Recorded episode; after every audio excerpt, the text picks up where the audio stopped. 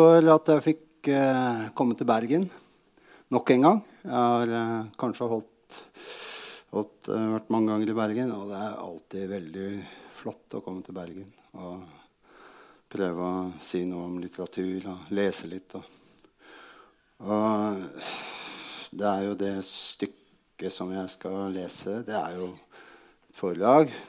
Men så, da jeg fikk forespørselen av Charlotte Mybråten for rett før jul, så, eller før jul, så hadde jeg en vag idé om et eller annet. Og så tenkte jeg ja, yes, dannelse. ja. Mm. Og som en fyr fra bygda så blir jo det dannelsen litt spesiell kanskje etter hvert. Og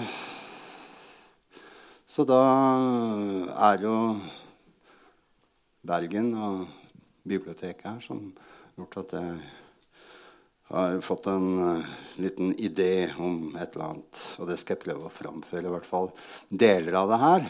Første delen. Så jeg har skrevet mer. Jeg kan jo ikke lese i to timer. Det går jo ikke.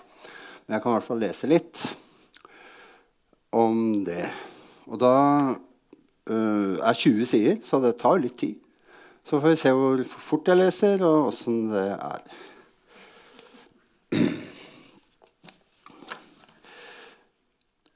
Etter, en, etter, nesten en uke med bilkjøring ned og rundt om i det østlige Tyskland ankom jeg Frankfurt fredag formiddag den 18. oktober 2019. Og etter å ha lagt igjen bagasjen på hotellrommet kjørte jeg rett opp til bokmessen og parkerte på frekt og delvis ulovlig vis den gamle Citroën DS-en fra 74 en 40-50 meter unna hovedinngangen og etter litt fram og tilbake utenfor inngangen, der antikvariater og pølsemakere hadde sine salgsboder, gikk jeg inn i bokmessen og kjøpte en billett. Den kostet 750 kroner. Ettersom det var fredag, så måtte jeg registrere meg som en såkalt fachbesucher. Det var først på lørdag og søndag at messen var åpen for et alminnelig publikum. Og så kom jeg meg forbi billettkontrolløren. Og først da jeg skulle gå innover den lange ankomsthallen, klarte jeg endelig å sette meg ned ved en benk der. Det var nå tid for å puste ut. For fram til det tidspunkt hadde dagen og formiddagen gått i ett, som i et ras, helt fra jeg sjekka ut på et lite landsens hotell tre mil øst for Fulda. Minutter og timer hadde gått i ett, for denne dagen viste seg straks å være noe helt annet enn det de andre fem foregående dagene hadde vært. Dette måtte jeg tenke på der jeg sto på terskelen til å entre selve bokmessen i Frankfurt. Jeg måtte fordøye det bråe røkket jeg hadde opplevd akkurat denne dagen. Alt fra morgenen av skilte denne dagen seg så kraftig fra de andre dagene.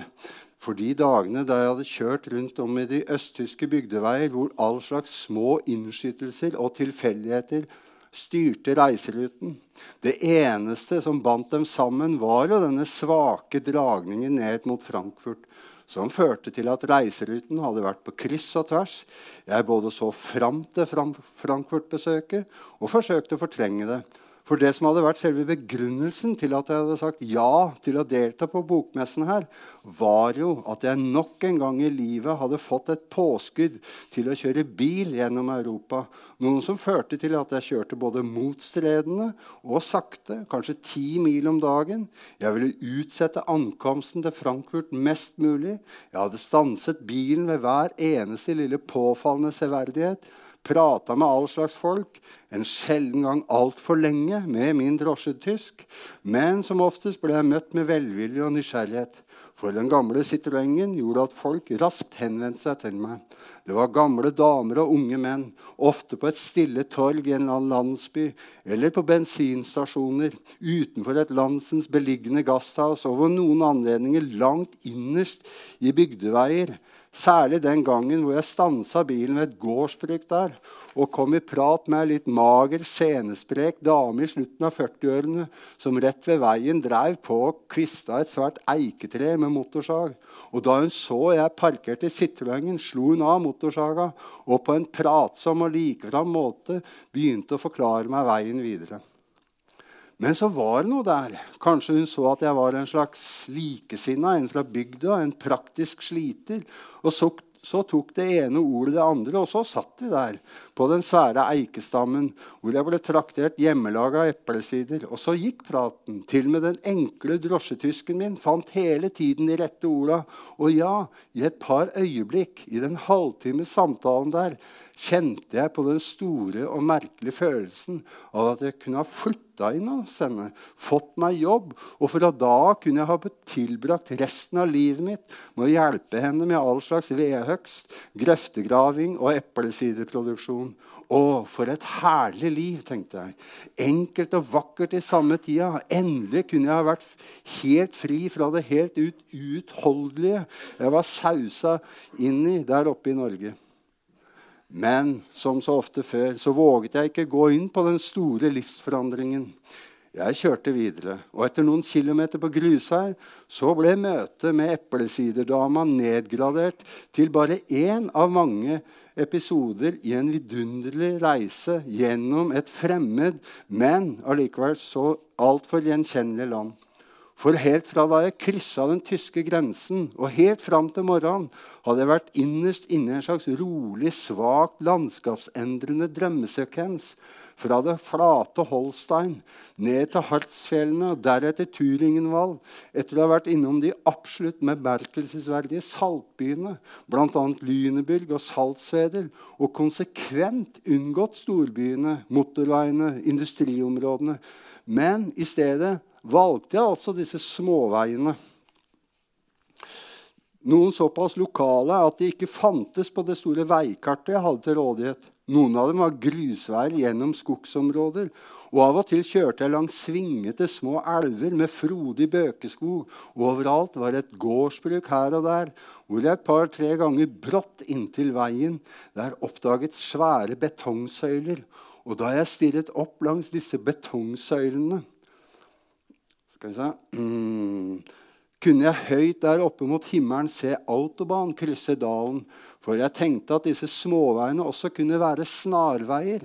For jeg ville prøve å ankomme Frankfurt på en innsnikende måte.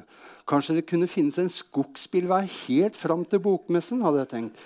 Ja, For en fantastisk måte å ankomme Frankfurt på. Ville ikke det vært for en småbruker og bygdetulling fra Modumstraktene?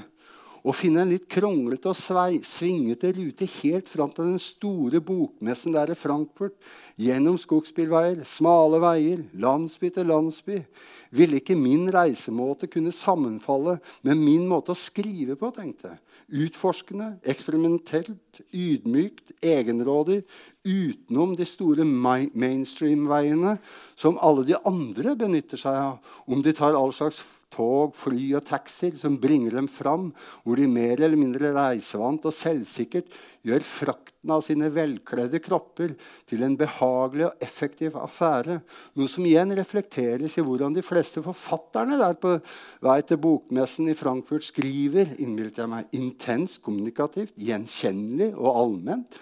som man ikke minst kunne gjense i hvorledes disse romaner var så gjennomgående lette lette og enkle å oversette.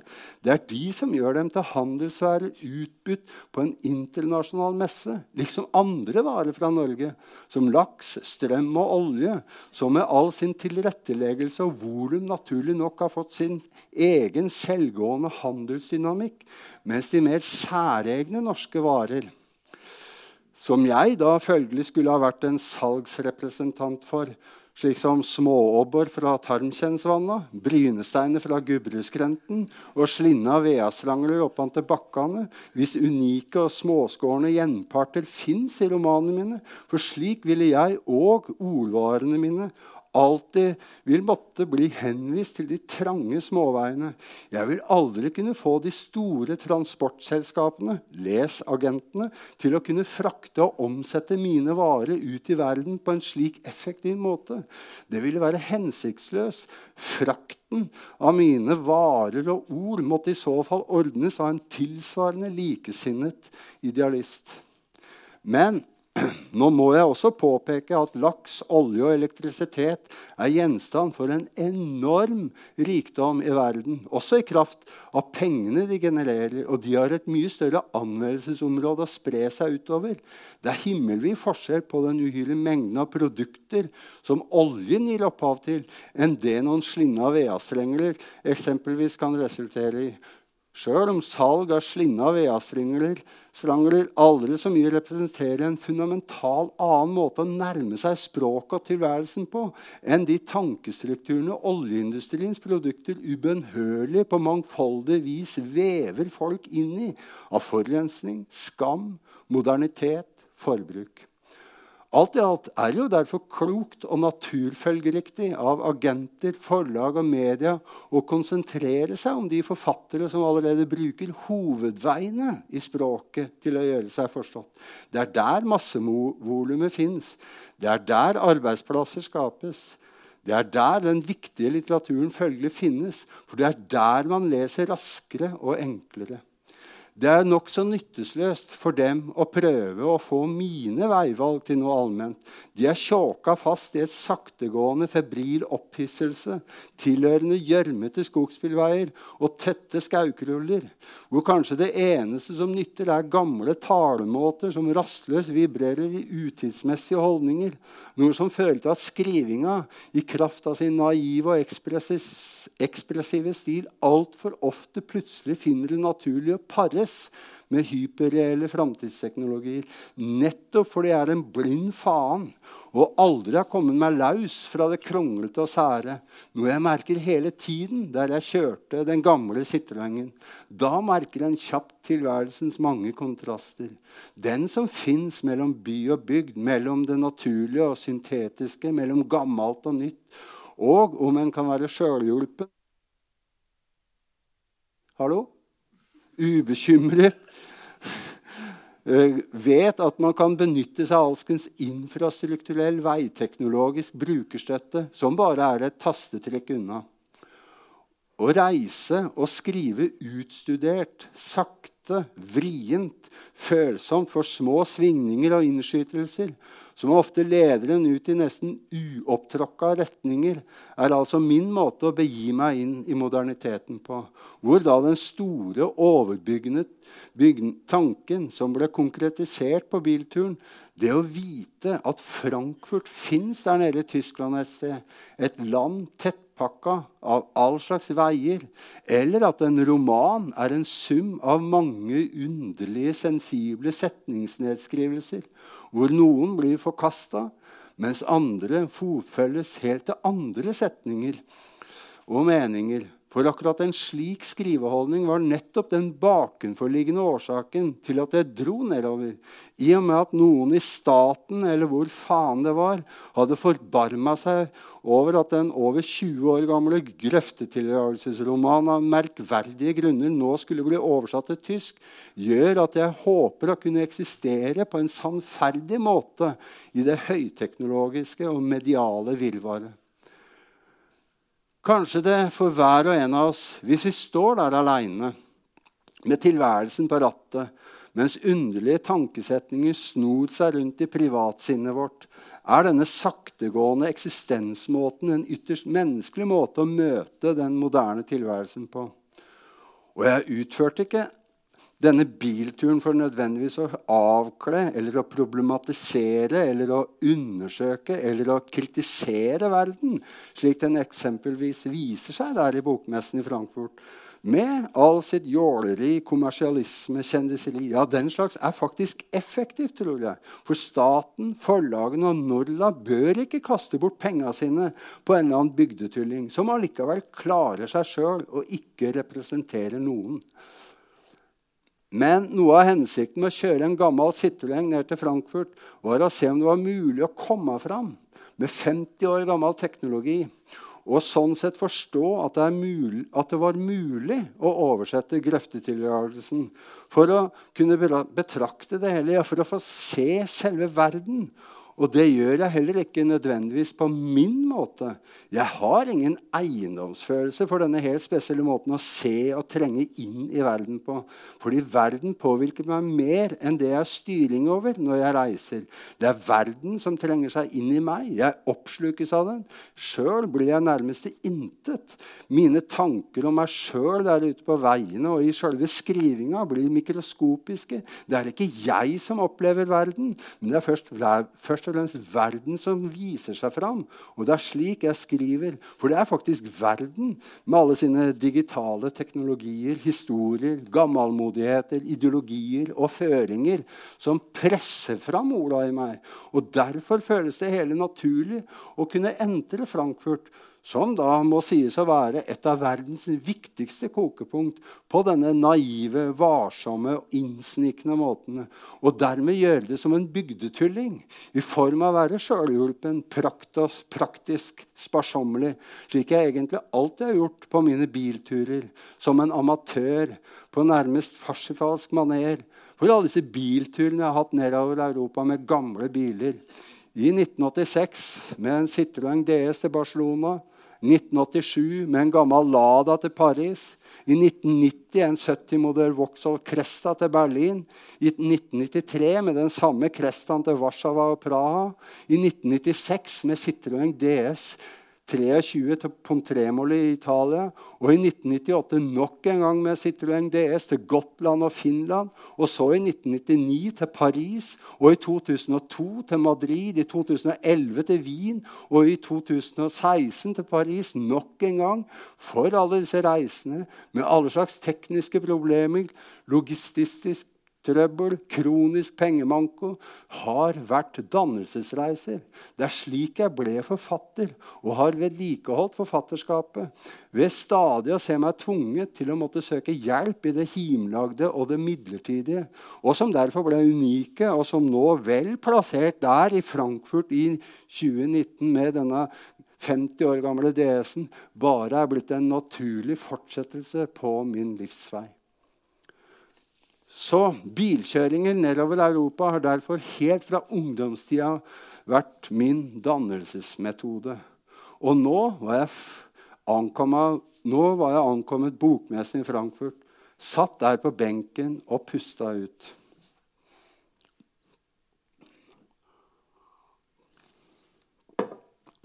Ja. Jeg reiste meg opp og gikk videre innover adkomstkorridoren. Sjøl om messen denne dagen var kun åpen for såkalte fagbesøkere, så alle man møtte her inne, var profesjonelle, og sånn virket det også å være. Hver og en så ut til å ha åpenbart bestemte ærender her, noe som smittet, merket. Jeg kjente viktigheten spre i kroppen.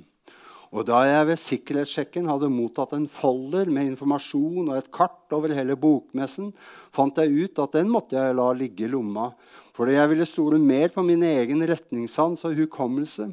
For etter mange år i byggebransjen og turer i de småkøllete Hollaya-skauene har jeg utvikla min egen mindmapping-metode, som jeg her i bokmessen kanskje kunne laga en vri på, ved at jeg omvendt, ved å lage mine egne private tall, kunne lage et logisk mønster som ville akkumuleres for hvert nytt rom jeg skulle begi meg inn i.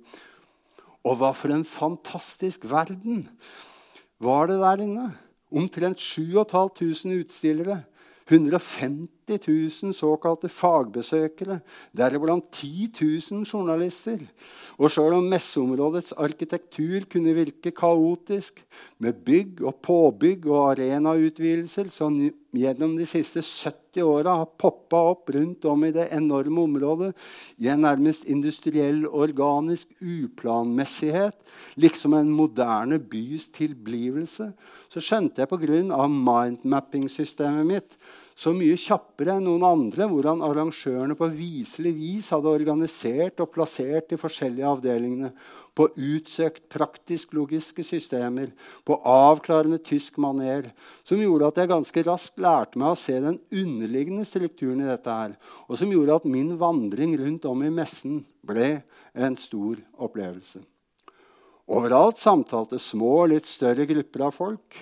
Noen gikk hastig forbi, de skulle sikkert rekke en avtale, mens en og annen saktegåer funderte på sitt, Og i rulletrapper, foajeer, mesaniner, glassoverbygde avlukker sto folk og sendte SMS-er i øst og vest, mens de samtidig så ut til å orientere seg og så var det bøker. Masse bøker. Delikate og mysteriøse og fancy bøker. Bøker som utstrålte autoritet og alvor. Bøker som fortalte om nød og elendighet. Krig, desperasjon, dramatiske tildragelser fra ottomaniske klanbruduljer eller den intense smerten i søramerikanske gruvearbeideropprør, utstilt i all slags nydelige forseggjorte boder og rundt om på hjørner i passasjene var det plassert kafébord hvor folk satt hensynkende og i dype tanker av en eller annen burmesisk billedbok, en pop-opp-bok fra et Kyoto-basert forlag, stilige publikasjoner fra Cornwall, der homemade-aktige bokomslag prydet de voldsomste familieintriger fra 1800-tallet. Og noen stands, som den russiske, var svært russisk, hvor det russiske flagget dekorerte hele bakveggen, eller den omanske, hvor en delegasjon av menn i kostbare dresser tok imot interessenter på måter som så ut til å innebære vidtrekkende økonomiske fordeler, mens små britiske samveldeforlag passer på alltid å ha minst én ansatt som tydelig kunne innestå for, for uh, ja, Eh, selvhjelpsbøker, eksempelvis humoristisk anlagte overlevelsesteknikker i en eller annen hav havnivåstigningssituasjon. Og så var det alle de tyskspråklige forlagene, Sorkamp ikke minst, og dernest, og bl.a. Bertelsmann, Koppenrath, Dene, Eldur, Wilhelm Fink, Gerstenberg, Gugolz, Peter Hammer, Isensee, Jung und Jung, Kitab, Klever, Konkursbuch Verlag, Lamov, Malik Forlag, Neofilis, Nigli, Patzer, Faidon, Eulenspiegel, Schwabe, Carl Hanser, Droschel. Etter fire timers vandring rundt om merket jeg at ansikter og forlag og bokomslag, titler, forfatternavn nærmest smeltet sammen. Og bare langsomt, den siste timen kanskje, syntes jeg å merke at det begynte å avtegne seg helt nye mønstre men som selvfølgelig var gjenkjennelige mønstre som etter hvert mønster. Flere ganger opplevde jeg at jeg gikk i de samme passasjene jeg hadde vært i en time tidligere, men da i motsatte retninger. Og så begynte jeg å kjenne denne bokmessen. Det nevrale systemet mitt sto i en viss overensstemmelse med bokmessens. Og så begynte jeg å gjenkjenne ansikter, ikke bare enkelte fagbesøkere. Selvfølgelig gjenkjente jeg de som sto der på sine stands. Ja, Ti-tolv av dem hadde, hadde, jeg vært i en kort passiar med. Overfor en tre-fire av dem presterte jeg den nokså overraskende erfaringen at jeg sto der rett opp og ned og fortalte disse menneskene at jeg dreiv et forlag. Et såkalt enmannsforlag. For det var vel den merkelige styrken som lå i det å se seg selv som fagbesøker, som forleda meg til det her. Sjøl om jeg sånn egentlig kun gikk rundt og glante. Men på en annen side, ja, det kan jeg si nå, at jeg faktisk bedreiv et slags forfattervirke. Og det helt uten å skjønne det, ved nettopp å lage disse mindmappingsmønstrene. Og samtidig innbilte jeg disse ti-tolv menneskene at jeg var en forlegger og framviste stor interesse for belgiske transsyntetiske framtidsfilosofiske verker. En skotsk ruralmoralsk dødsbevissthetssøker. Ja, det var ikke mangel på fine publikasjoner jeg kanskje kunne gi ut på mitt forlag. For hver samtale vokste dette enmannsforlaget mitt. Ved å opparbeide meg en psykisk stedsberettigelse begynte jeg altså å utforme forlaget. Og så sto jeg plutselig der, og kanskje, eller kanskje ikke, skjønte jeg brått at dette var galskap. Men da var det liksom for seint, og som en lykkelig henkastning vrista jeg fram i bevisstheten at dette her var ledd i en større litterær plan. Men det førte bare til at min forlagsvirksomhet på en måte ble mer interessant. Ikke bare for meg sjøl, men i høyeste grad for de jeg snakka med. Og det at jeg verken hadde visittkort, egen forlagsmail, logo, reklamemateriell, det var ikke noe hinder, merka jeg. For det å virke i verden var det samme som å skrive. Jeg prøvde å foregripe for dem en framtidig teknologisk eksistens hvor, hvor, man liksom skreiv ustanselig. Alle bevegelser, utsagn, tanker la fra seg spor, tegn, skrift i en gigantisk digital eksistens som pakker oss inn. Og det er liksom det, denne helt ut nye typen romanskriving, jeg nå ved hjelp av dette forlaget kan makte å nå inn i, sa jeg. En slags underlig syntetisk vi-stemme som her og nå uttrykker seg, og det er ustanselig, og som jeg makter å knyte sammen i og med denne nye type forleggere. Forlaget mitt var nå i gang med å utgi to bøker om den nye syntetiske eksistensmåten. Uansett er det bare noen som skriver dem, sa jeg. Og så merket jeg for alvor hvor sinnssykt dette hørtes ut. Jeg kjente jeg ble helt slakk i kjakan. Hva var det som gikk av meg? tenkte jeg, idet jeg la ut om de store, tankene om forlaget mitt. Hva var det som skjedde? Her sto jeg og snakka med en engelsk forlegger. Han lyttet faktisk, av alle ting. Noe som oppmuntra meg. Jeg har alltid likt å snakke med folk. Og igjen så bare dro det seg på.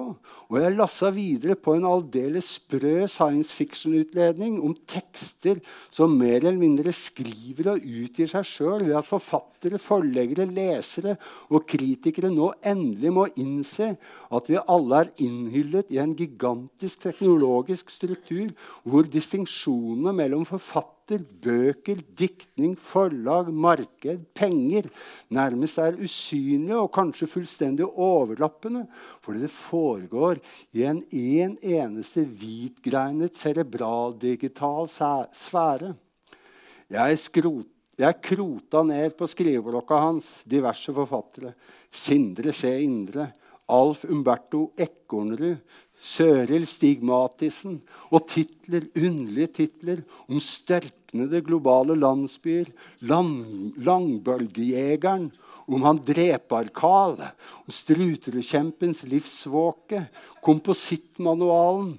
Og jeg sa at jeg skulle komme tilbake. Og da nok en gang svingte jeg meg ned på grunnplanet. Jeg trengte vel ikke å snakke om dette her til noen vilkårlig utvalgte forleggere i bokmessen i Frankfurt av alle steder. Dette var jo tanker jeg kunne sysla med for meg sjøl. Kunne jeg bare ikke nøye med å bare være her? Se, spørre og lytte. Og hvis noen lurte, så kunne jeg kanskje fortelle om åssen jeg kom kjørende hit til Frankfurtermessen. Noe om bilkjøring, gamle Citroenger. Eller kanskje fortelle noen enkle historier om vedhugging, obborfiske og småmannsvirke fra, den, fra de nordeuropeiske bygder og avkroker. Men nei. Etter et par minutter var jeg nok en gang inne i den store, intelligible organismer med tusener av sofistikerte, beleste mennesker, kringsatt av litterært interessante strukturer. Og jeg var i den blinde farta. Så kjente jeg åssen jeg utraderte jeg-bevisstheten i meg ved å være en ingen. Og da oppstod det naturlig da oppsto det et naturlig forvrengt dannelsesideal om det såkalte åpne sinn, hvor en kan leve seg inn i friheten som finnes i det å møte fremmede mennesker, hvor man sjøl stadig vekk kan få ny identitet, være en annen. For med løgnene kan man i noen lykkelige øyeblikk være et bedre og annerledes menneske, noe som i sin tur på sikt helt sist der ute, når noen skal gjøre opp statusen om sitt eget liv, at alle disse forkledninger og løgner faktisk har gjort meg til et mer innsiktsfull menneske, et bedre menneske, som gjennom løgner og bløff var bedre i stand til å forstå andre mennesker. Og nå merka jeg hvor stor denne ideen var. Uansett ville dette forvrengte dannelsesidealet, full av løgner, fake news og bløff og innbilske væremåter, det kunne påføre andre mennesker større innsikter enn om de bare fikk fakta, sannhet og troverdigheter. Og som en ren naturfølgeriktighet var det noe som tvang meg til å utbrodere en avansert tankegang hvor jeg faktisk håpet at de ville gjennomskue meg. At alt det jeg hadde fortalt om dette forlaget og alle de greiene der, at det var en åpenbar løgn. Og noe som ville gjøre dem nysgjerrige, til oss alt. For på den måten kunne disse forleggerne faktisk se åssen et skjønnlitterært fenomen virkeliggjorde seg der rett foran dem. I selvsammen nå, kanskje for første gang i livet, at det skjønnlitterære ikke lenger bare var noe man kunne prate om eller lese, men faktisk erfare som fysisk tredimensjonal form i verden. Om ikke annet ville denne ytterst konkretlitterære gestaltning jeg så meg selv utgjøre, selvfølgelig svi vekk mine egne ord og setninger. Det spilte jo ingen rolle hva jeg sjøl sa eller skrev. Nå, nå, kunne jeg jo si hva som helst, og det ville gjøre meg til en eksentrisk og ikke minst særegen forlegger. For på denne direkte og instante måten prøvde jeg å utgi skrifter skrevet på virkelighetens eget språk, en virkelighet som nå er såpass digitalt selvgestaltende, hvor man til og med kan gjøre direkte nedskrivninger av tankestrømmer, og der de såkalte tingenes internett stadig utfører skrevne avskrifter av fysiske hendelser, som er i stand til å forutse hver enkelts gjøremål og tanker bedre enn det en sjøl makter, og som således surrer enhver troverdig og dugende person fast i løgner og fiksjoner og selvutviklende algoritmer, som igjen viser seg å være mer sant og mer virkelig enn noe annet, og som omvrir virkeligheten til språkfenomener. Fordi det er den kunstige intelligensens litterære virke i verden, den som nå finnes i hver av en av oss og som igjen håpet jeg ville forklare disse forleggerne at dette her akkurat dette, å gå rundt og spille merkelige roller i frekke forkledninger, det var framtidens litterære metode. Og dermed gi dem en hint om hvordan dette forlaget mitt ønsket å utgi romaner. Men igjen merka jeg at akkurat denne helt spesielle metoden å fortelle om denne skrivingen, som nå foregår overalt og kontinuerlig og i en evig strøm, hvor den digitale teknologien har skapt en særegen nærhet mellom ethvert privatsinn og det store, globale vi, og som dermed utformer en uendelig mengde med litterært framstilte jeg-personer i en evig verden av spillsekvenser, ja, det fikk en merkelig tilbakeslagsventilert setup i meg.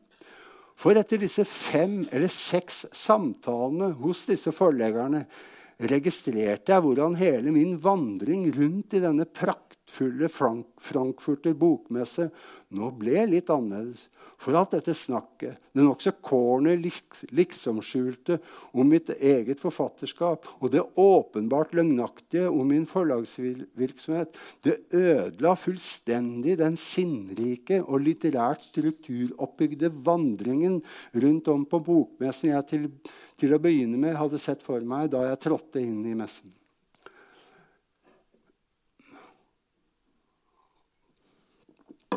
Ja. Dessverre hadde jeg så raskt blitt mer opptatt av å sminke løgnen om forlaget mitt og mitt forfatterskap, noe som absolutt ikke var meningen. For hele poenget med å innynde seg hos de fire-fem forleggerne var å komme inn i bokmessens kjerne, forstå kompleksiteten her, for kanskje for å få et fortettet sinnbilde av verden. Ved å høre brokker av forleggerens samtaler, summingen av all verdens språk, strømmene av uforståelige ord og setninger, travelheten, kjenne draget av viktig litteratur og få et direkte innsyn hvordan fersk litteratur her og nå kunne bre seg ut i verden, og akkurat nå var i ferd med å kunne omsette seg ut i all slags språk. Og jeg prøvde å ta meg sammen. Jeg prøvde å få øye på det vesentlige. Ikke la litteraturen bli til en fiksjonell sfære, men i stedet se verden. Kjenne den realistiske storheten i det, og nulle ut meg sjøl. Jeg gikk der litt småskjelven, innbitt, skamfull over min tilgjorthet og uten noe videre større ønske om å snakke, om, snakke med noen. Folk skumpa til meg. Løgnene og de dølle forsøkene på utspekulert sjølskryt. Hjelpeløst prøvde jeg å få øyekontakt med noen, noe som utarta til uutholdelige psykiske situasjoner. Jeg kunne ikke annet enn å prøve å gå raskt og skyggeaktig forbi de jeg tidligere hadde snakket med.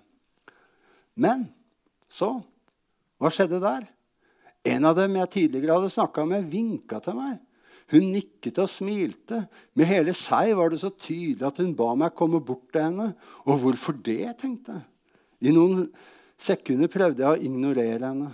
Men straks kjente jeg hvor klønete jeg var. Også han som sto ved siden av, vinka også. Så noe måtte det være. Kanskje de hadde fått øye på mitt litterære konkretiseringsprosjekt? De hadde jo fått noe å tenke på. Kanskje de endelig hadde skjønt noe dypt og magisk? Tydelig i hvert fall syntes de, jeg var noe helt utenom det vanlige. Og så ytterligere et par-tre sekunder etter at jeg hadde passert dem, så begynte jeg for alvor å forfølge denne tanken om at jo, ja, tenk om det virkelig var noe. Kanskje de hadde fått farten av noe reelt underlig som kanskje fantes i mitt forlagsprosjekt. For rett ved siden av de to var en kar fra et engelsk forlag som også så på meg. Og bortenfor der var det en fransk forlag. Jeg husker ikke navnene på forlagene. Tenk om de nå plutselig hadde funnet ut at de ville kjøpe rettighetene til mine utgivelser av de ukjente, med geniale forfatterne jeg hadde i stallen. Ja, tenk, tenk, hvor fantastisk hadde ikke det vært? Å kunne dra denne illusjonen så langt fanen som mulig. Men plutselig så jeg for meg et voldsomt arbeid foran meg. Å skrive disse merkelige bøkene. Å utgi dem under pseudonym, betale trykkeri, lage bokomslag. Og da jeg var i et såpass ut, urealistisk modus at jeg ikke umiddelbart så noen problem med det. Tilværelsen ville bare bli en annen, interessant og mytisk mens jeg sugde denne forbløffende tanken om å gjøre løgnene sanne og dermed skape såkalt ny virkelighet, og som da broderte seg fast inni skølten min, der innerst inne så jeg plutselig at det ene fliret til hun ene franske dama der var litt vridd. Ja, smilet hennes hadde en underlig betoning, og da datt alt sammen sammen. Det hele var jo snarere tvert imot. Grunnen til at de nå ville ha kontakt med, med meg, var jo at jeg var en klovn. En tulling. Og da skjønte jeg også i samme nå at jeg ikke hadde krefter og initiativ til virkelig å føre den store bløffen og komedien videre, slik at jeg igjen kunne lure dem. Og dermed rant de ordrike skyfi-forkledningene nærmest fysisk vekk fra kroppen min. Jeg ble naken og dum. Igjen var jeg nede på scratch som en reelt eksisterende bygdetulling. En som skulle prøve å selge vedstrangler og abborpinner. Nå hadde jeg ikke lenger mitt fremmede ansikt i behold. Nå så jeg, nå så jeg bare hvordan disse forleggerne gjennomskua meg. De ville nok bare ha en liten adspredelse i all denne travle tralten de var i. Disse lange timene der stående på stand og av seg en tre-fire minutter med en vaskeekte bygdetulling fra Norge. Ja, det var enda noe, ville de ha tenkt. Fra Norge. De visste at Norge var æreslandet dette året. Og for noen tosker av noen forfattere de sendte ned hit, som flyr rundt og gjør seg til. Endelig kunne de lage stand litt moro. Den skandinaviske melankolien har visst mange utslag, for en sier. Jaggu mye rart fra skauene der. Grønske på knea har dem. Møkkete sko, bustete hår med raudflekka kinn. Lysblå, vassende øyne som desperat leiter etter et feste i verden. Jo da, jeg så det. Jeg var avslørt. Så åssen de skulle lure denne innbilske tullingen. Og det skulle skje nå. Men jeg stramma kjakan, gikk videre, bort etter stands og plakatoppslag. Æva rett fram, før jeg klarte å vri dem litt til sides. Og nok en gang kom jeg inn i det, for kanskje disse forleggerne blei litt usikre. Kanskje jeg med min suverene avvisning av dem fikk dem til å tro at jeg faktisk var en forlegger allikevel. Og dermed klarte jeg igjen å se på verden Se bokomslag, titler og all slags blurber begynte å sive inn. Ja, for en verden det var her! Etter hvert klarte jeg å se på folk også. Betrakte utstillere og spaserende folk. Før jeg endelig klarte å glemme meg sjøl. Jeg begynte også å gjenkjenne stadig flere av de besøkende. De, de var nå på helt nye steder enn sist jeg så dem. Og igjen lot jeg meg beveges, alle menneskene, bøkene, stemmesurret rundt meg. Nå kjente jeg ikke lenger å måtte ha en vektig begrunnelse for å være her, langt mindre å snakke med noen. For nå kunne jeg endelig puste ut fortrolig og selvfølgelig være en ikke-eksisterende figur. Jeg visste jo godt at forlagsfolk på Frankfurtermessen ikke var så interessert i å snakke med forfattere. Ja, De aller fleste av dem syns at forfattere på en kommersiell bokmesse er en uting. Forfattere har ingenting her å gjøre. Bokmessen i Frankfurt er absolutt ingen litteraturfestival. Snarere tvert imot. Det er en fagmesse. For det enkle poenget her er at forleggere prøver å gjøre en mengde dealer med hverandre. Det er kjøp og salg av rettigheter ved hjelp av kjappe pitchinger av bøker og forfattere, som ikke minst de omtalte forfatterne sjøl virkelig bør være forskåna fra å høre, og framstøt for framtidige samarbeidsavtaler blir antyda. Enhver hyggelig bemerkning eller smil underordnes i en stadig strøm av strategiske og taktiske manøvre som foregår langs kafébord, passasjer, boder og som egentlig bare er en synlig og jovial form av noe som kanskje har foregått i måneder forut. Med telefonering, akkedering, mailer, antydninger om en senere kontakt, men hvor tilfeldige møter nettopp der og da kan resultere i en konkret avtale med handshake og greier, så kanskje kan virke som en rettferdiggjøring av selve bokmessen, mens de virkelig uavklarte og påtrengende forhandlingene foregår inne i det store, avstengte rommet i anetasjen der som jeg forgjeves prøvde å komme inn i, liksom uforvarende.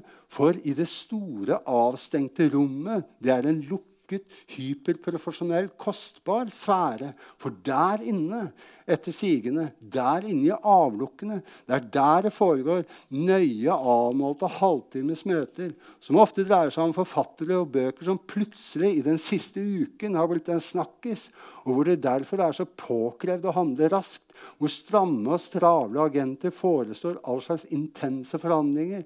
Kanskje temperaturen der inne er høyere. Kanskje bokmessedireksjonen ikke vil ha den slags ute i bokmessen. Det vil virke forstyrrende, for der ute råder en mild vennlighet overalt.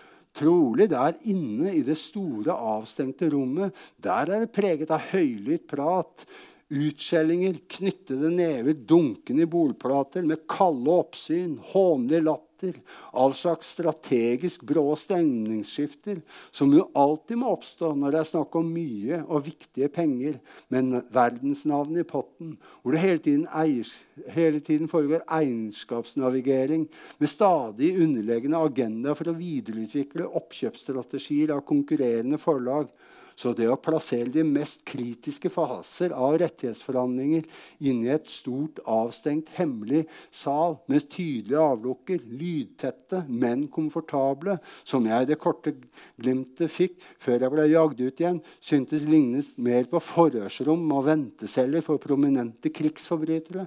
Ja, Det var et genialt trekk av bokmessebestyrelsen, tenkte jeg. Å usynliggjøre de råe og nådeløse pengeforhandlingene. Det ville i så fall ha et elegant sammenfall med hvordan vi som lesere oppfatter bestselgernes verker, hvor bøkenes indre verden, antydet i fortellingenes skjønnhet og megetsigenhet og sakprosaens dypsindige betraktninger i grunn, det er det er å betrakte som ren overflate, tilsynelatende fjernt fra de harde forhandlinger om oversettelseskontrakter, som har gjort det mulig for meg og millioner av andre lesere å få tilgang til disse vidunderlige tekstlinjer. Og da jeg gikk videre, var jeg nokså rysta over denne nå så plutselige innsikten jeg hadde fått om de reelle realiteter i bøkenes verden, hvor alt er snudd på hodet, der innsikt og dybde er ren overflate, og de tilsynelatende nokså uvedkommende problemstillinger om kjøp av oversettelsesrettigheter egentlig er den reelle dybden i det å virke som åndsmenneske i en global, tilgjengelig verden. For det er der, i pengene, i den industrielle boktilvirkning, i slagskyggen fra medienes fokus, hvor litteraturen og dermed forfatterne, dikterne, egentlig har sin genuine link til den moderne verden. Og dermed oppsto en ny tankefigur framfor meg på hvordan den såkalte virkeligheten manifesterer seg for forfatterne.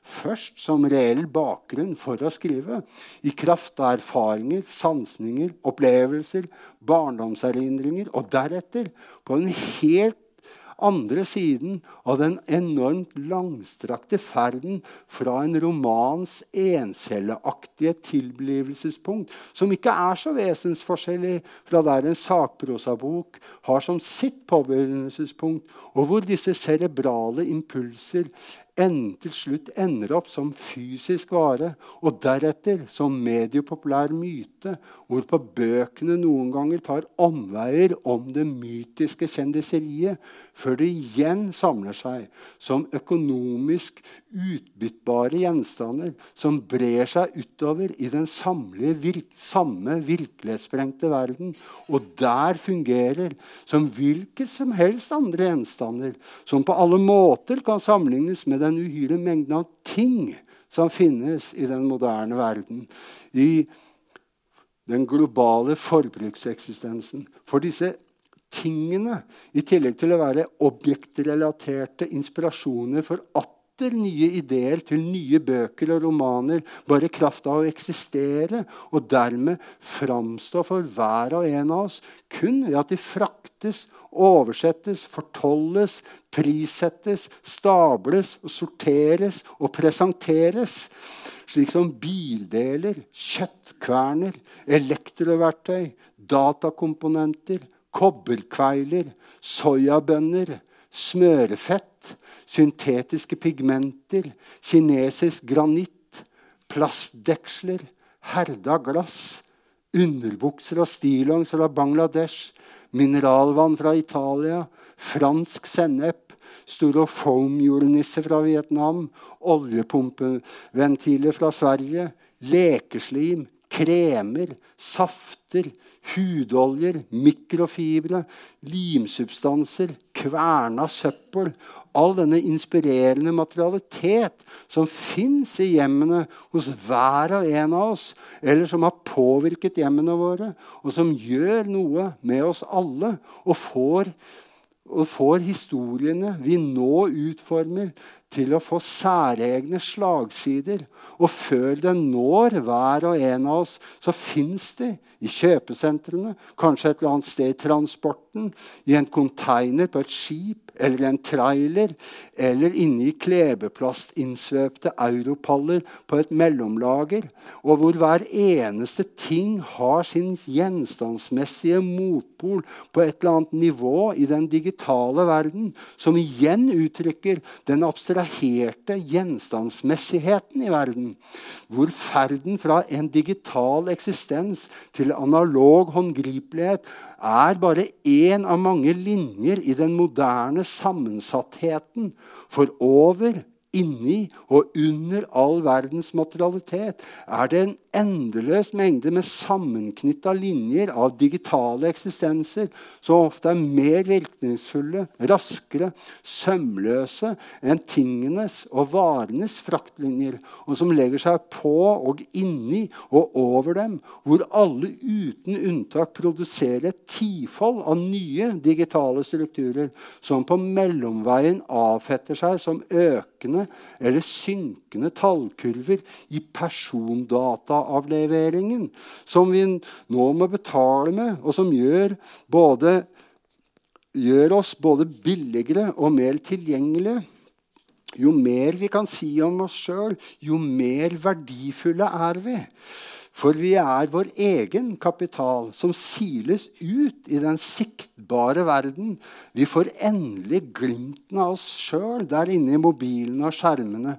Og dette framtryller, framtryller nye materialmuligheter, hvorpå det gestaltes nye linjer og muligheter for ytterligere nye personlige utfoldelser, forbløffende ofte til enkeltkvinnemenns sinns kroppslige konkretiseringer og forflytninger. ved en orgie av reisebestillinger, bookinger, reservasjoner, som nok en gang velter fram stabler av de evinnelige hudoljene, kremene, lekeslimet, bokvarene, plakatkunsten. For slik kokes verden. Den oppvarmes og bestråles og omformes i nye favntak. Energisk, kaotisk, til kompotronium. Til en selvjevnende digital avrettingsmasse. Til jeg måtte ha en kaffe. En kaffe. Ja, hva med det? Hva er det med kaffe? Nei, jeg måtte ikke tenke mer nå. Bare ta en kaffe. Ikke noe annet enn en kopp kaffe. Greit. Kaffe. Nedenunder, ved den store scenen som vender ut mot den gigantiske patioen, fant jeg en ledig stol midt ved et langbord. Å, så godt det skulle smake med kaffe.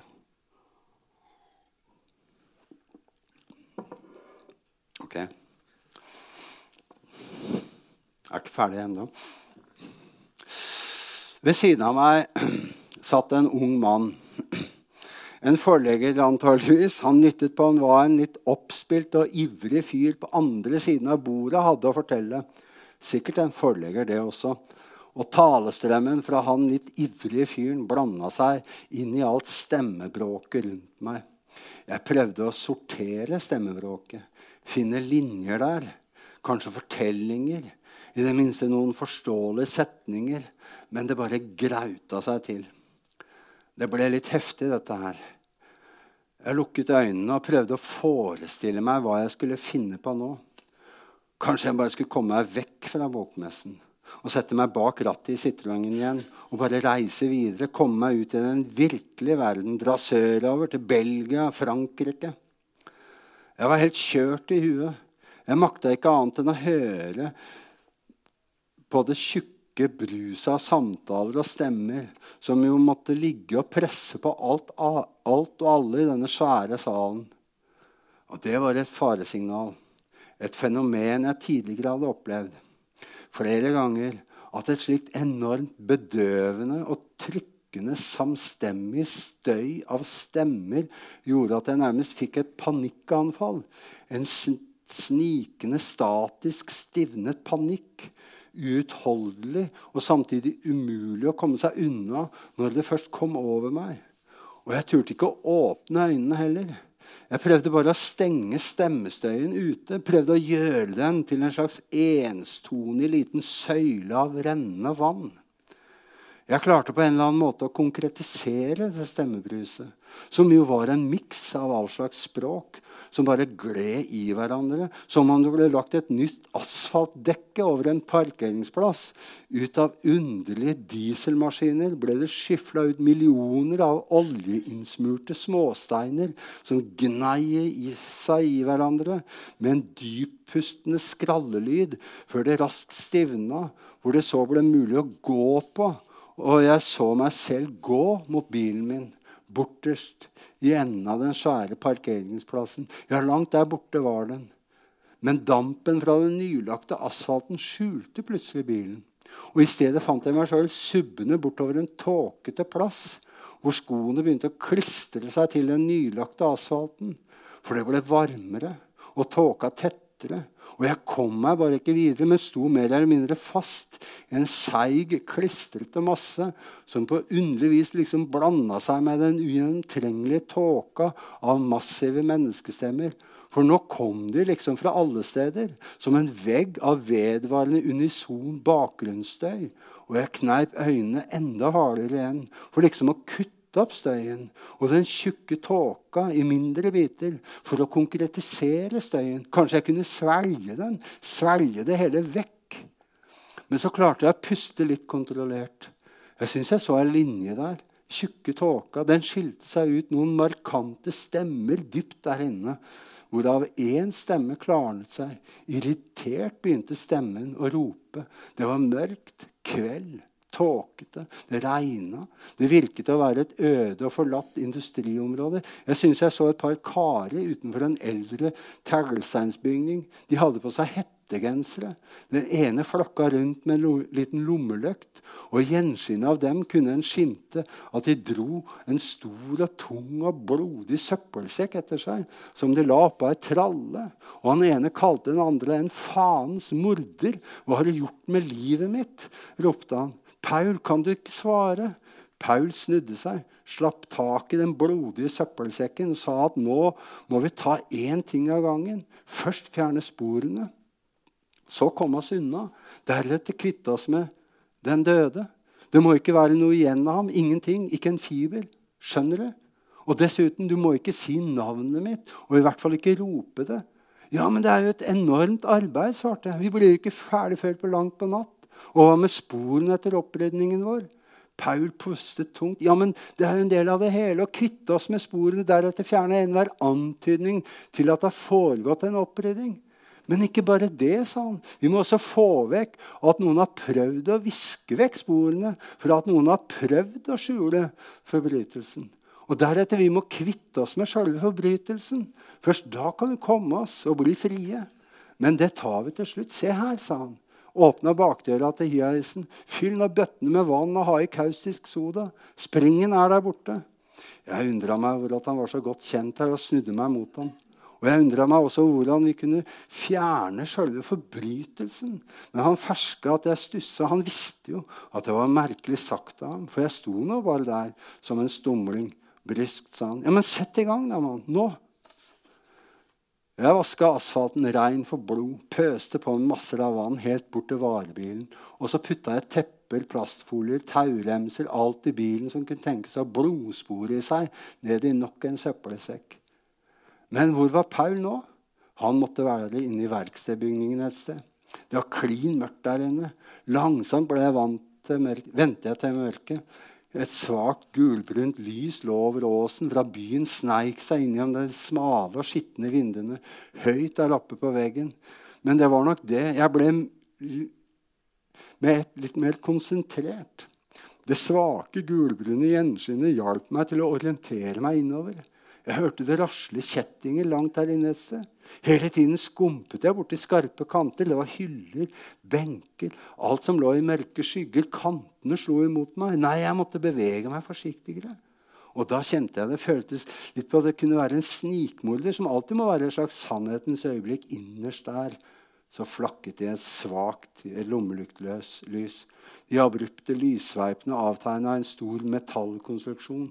En slags tank eller gigantisk trykkoker. Jaha, men der var han i hvert fall, tenkte jeg. Jeg nærmet meg ham forsiktig. Jeg så hvordan han la fra seg lommelykten oppå jernkanten der for å kunne buksere den livløse kroppen, den som var pakka inn i svart søppelsekkplast, inn gjennom en åpning i den svære metallkonstruksjonen. Åpningen var i brysthøyde, og med all sin kraft skubba han kroppen inn gjennom åpningen. Men så måtte han ha hørt meg. Og da gikk jeg rolig fram, og da så jeg det. Jeg så ham rett i øva. Jeg så det, at det brått hadde oppstått en situasjon. Og jeg greip hardere tak i det halv meter lange armeringsjernet. Men jeg ville ikke vise ham at jeg hadde noe. Måtte jo se han litt. Men så så han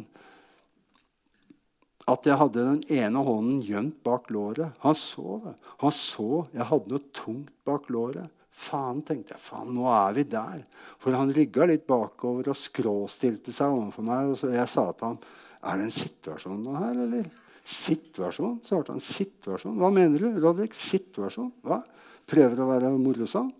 Han gikk mot meg, og jeg mente jeg klarte å mose ham rett ned i første rappet, et kjapt og tungt slag over venstrearmen, før jeg i samme sekundet trøkte spissenden av armeringsjernet strakt inn i halsregionen, hersen hans nedenfra og opp, slik at strupehodet tøyt ut av kjeften hans.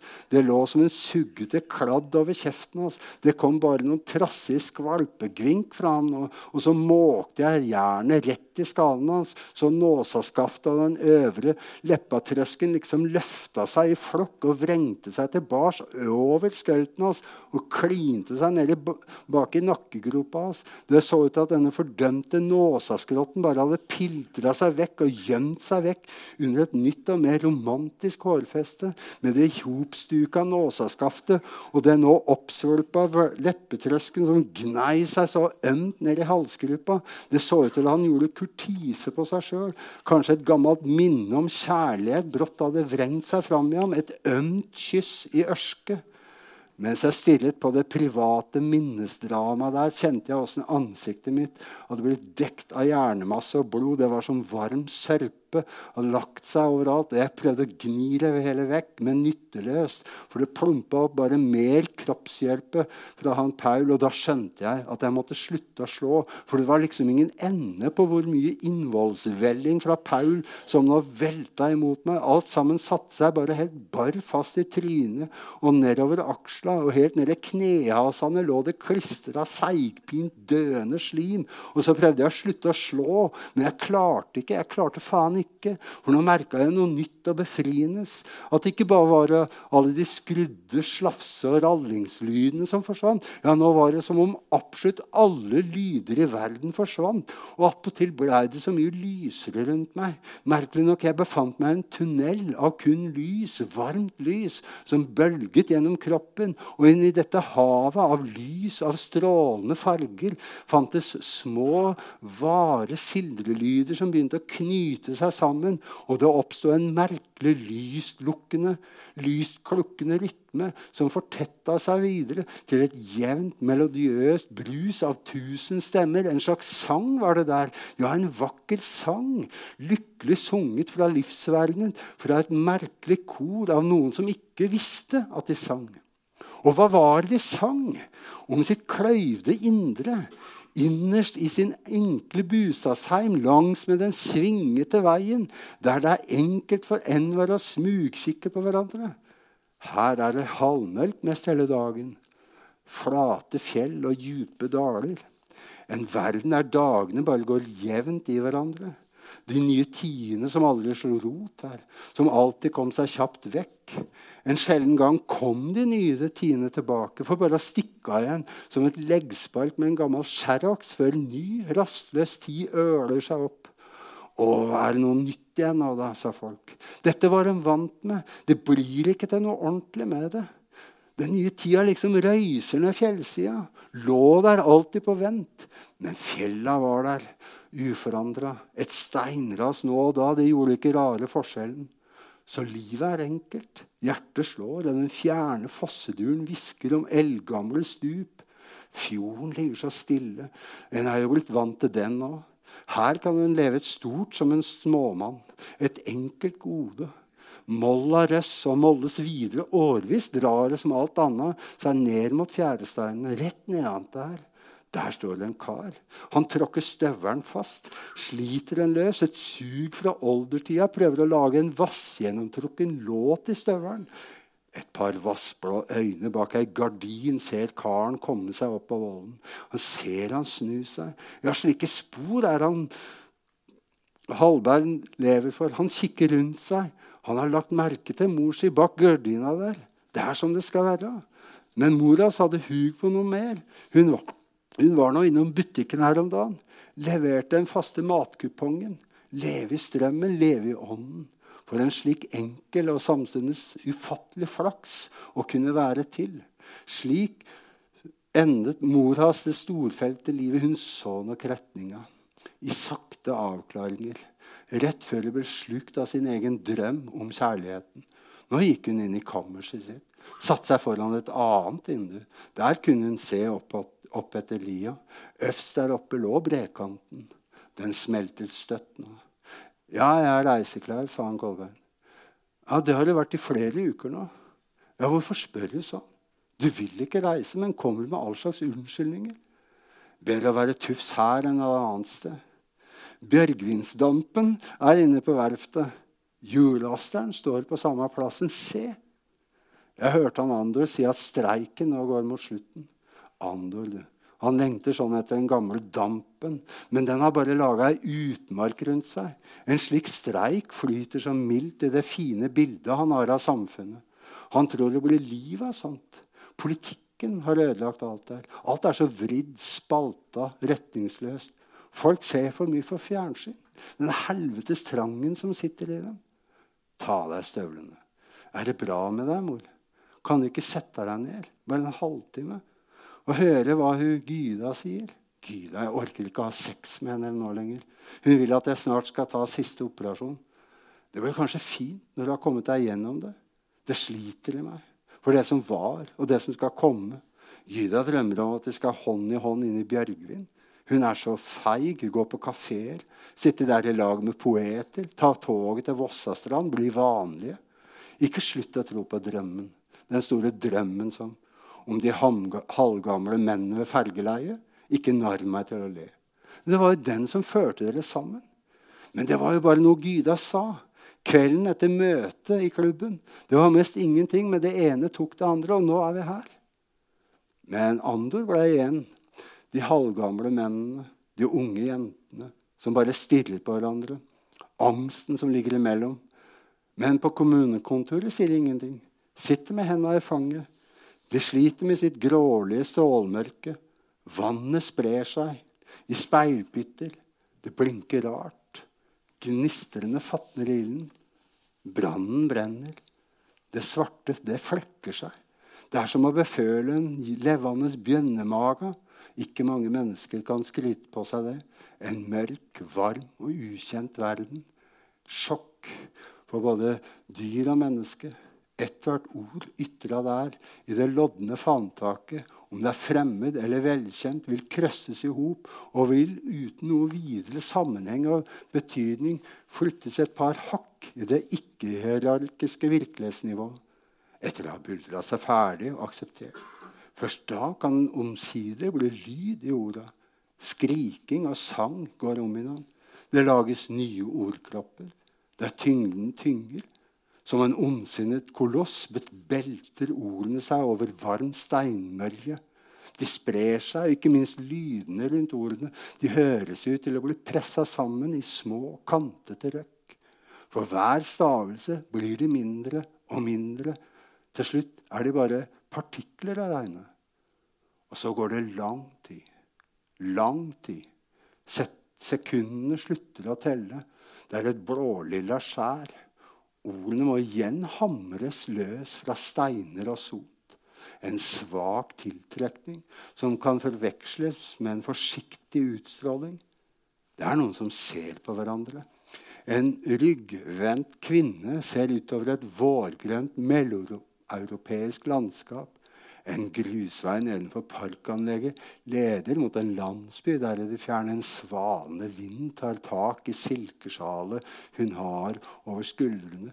Hun mumler på besvergende vis 'Valentin, Valentin'. En mann kommer gående mot henne. De må alt ha sett hverandre på verdens lengste avstand, den som bare finnes i vakkert skrevne romaner. Valentin vet det ennå ikke. Men han kommer for seint, så altfor seint. Selv om han aldri så mye lengter etter denne kvinnen. Elida, som har blitt tvunget til å bestemme seg, en umulig situasjon er det. Tenk hvordan hun har hatt det. Forferdelig, forferdelig. I en forferdelig skvis. For det hun elsker mest av alt i verden, er skjønnheten, det vakre landskapet, slottshagen, det nyoppussede kjøkkenet. Og det er det som er det geniale ved denne romanen. Et progressivt, moderne menneske som lar seg fange av kjærligheten til en mann som hun nå har godt, fått vite er sin egen bror, og det bare pga. et brev hun fant i en koffert der på Slottet. Og derved er hun blitt fanget av sine egne lyster og erotiske dragninger, men som hun nå altså ikke orker å bære. Og så kaster hun seg utfor balkongen. Ja, hva sier du? Hva? Jeg, hva sier du, Mr. Blankard? Jeg tror dette virkelig er noe for det amerikanske markedet. Tror du ikke?